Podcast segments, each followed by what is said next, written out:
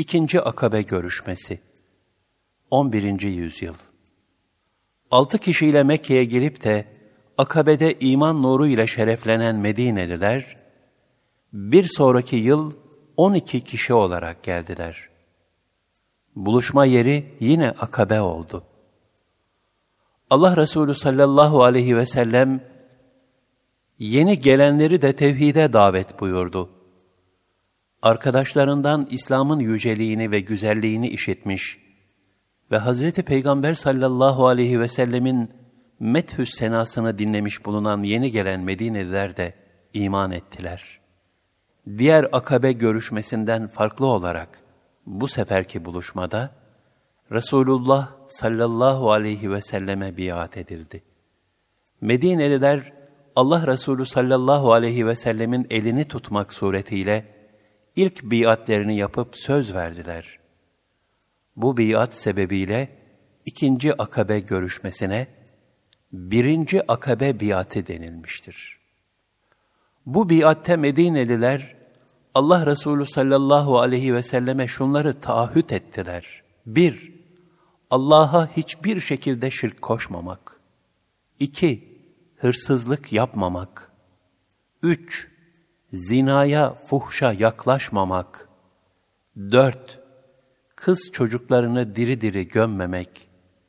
Beş, kimseye iftira etmemek. Altı, Allah'a ve peygamberine itaatten ayrılmamak. Medinelilerin bu ilk taahhüdü İslam tarihi için bir dönüm noktası oldu.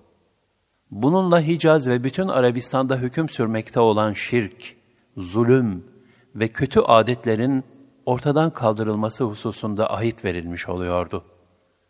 Medineli yeni Müslümanlar, İslam'ı öğrenmek için Resulullah sallallahu aleyhi ve sellem'den kendilerine bir muallim talep ettiler. O da Mus'ab radıyallahu anh'ı verdi. Mus'ab radıyallahu anh, çok genç yaşta hidayete ermiş, ailesinin kendisine ağır işkenceler yapmaları, hatta miraslarından mahrum bırakmalarına rağmen dininden dönmemişti. Çünkü o, zahiren fakir ve garip kalsa da, batınen iman, aşk ve vecdiyle dolu zengin bir gönüle sahipti. İslam'ın intişarı hususunda adeta bir heyecan abidesiydi. Nitekim Musab'ın Medine'ye gidişiyle İslam orada iyice inkişaf etti.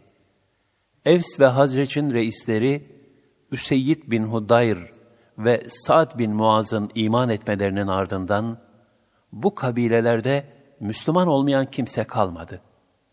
Bu durumu haber alan Allah Resulü sallallahu aleyhi ve sellem ve Mekkeli Müslümanlar çok mesrur oldular.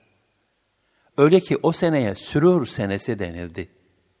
Çünkü artık Medine, İslam'ın beşiği olmaya hazır hale geliyordu.